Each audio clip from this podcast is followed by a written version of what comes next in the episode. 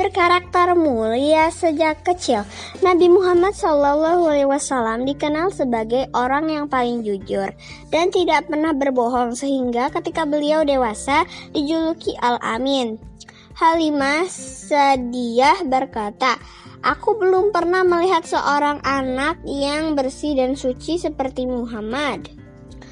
Akhlak yang mulia itu membuat dirinya dicintai oleh saudara-saudara susuannya saudari perempuan susu sesuan pernah berkata tentangnya, "Aku tidak pernah mendapati saudaraku Muhammad merasakan panas sel selalu ada awan yang menaungi jika ia berhenti, maka awan akan berhenti, dan jika ia berjalan, maka awan itu juga berjalan mengikuti sampai tempat itu.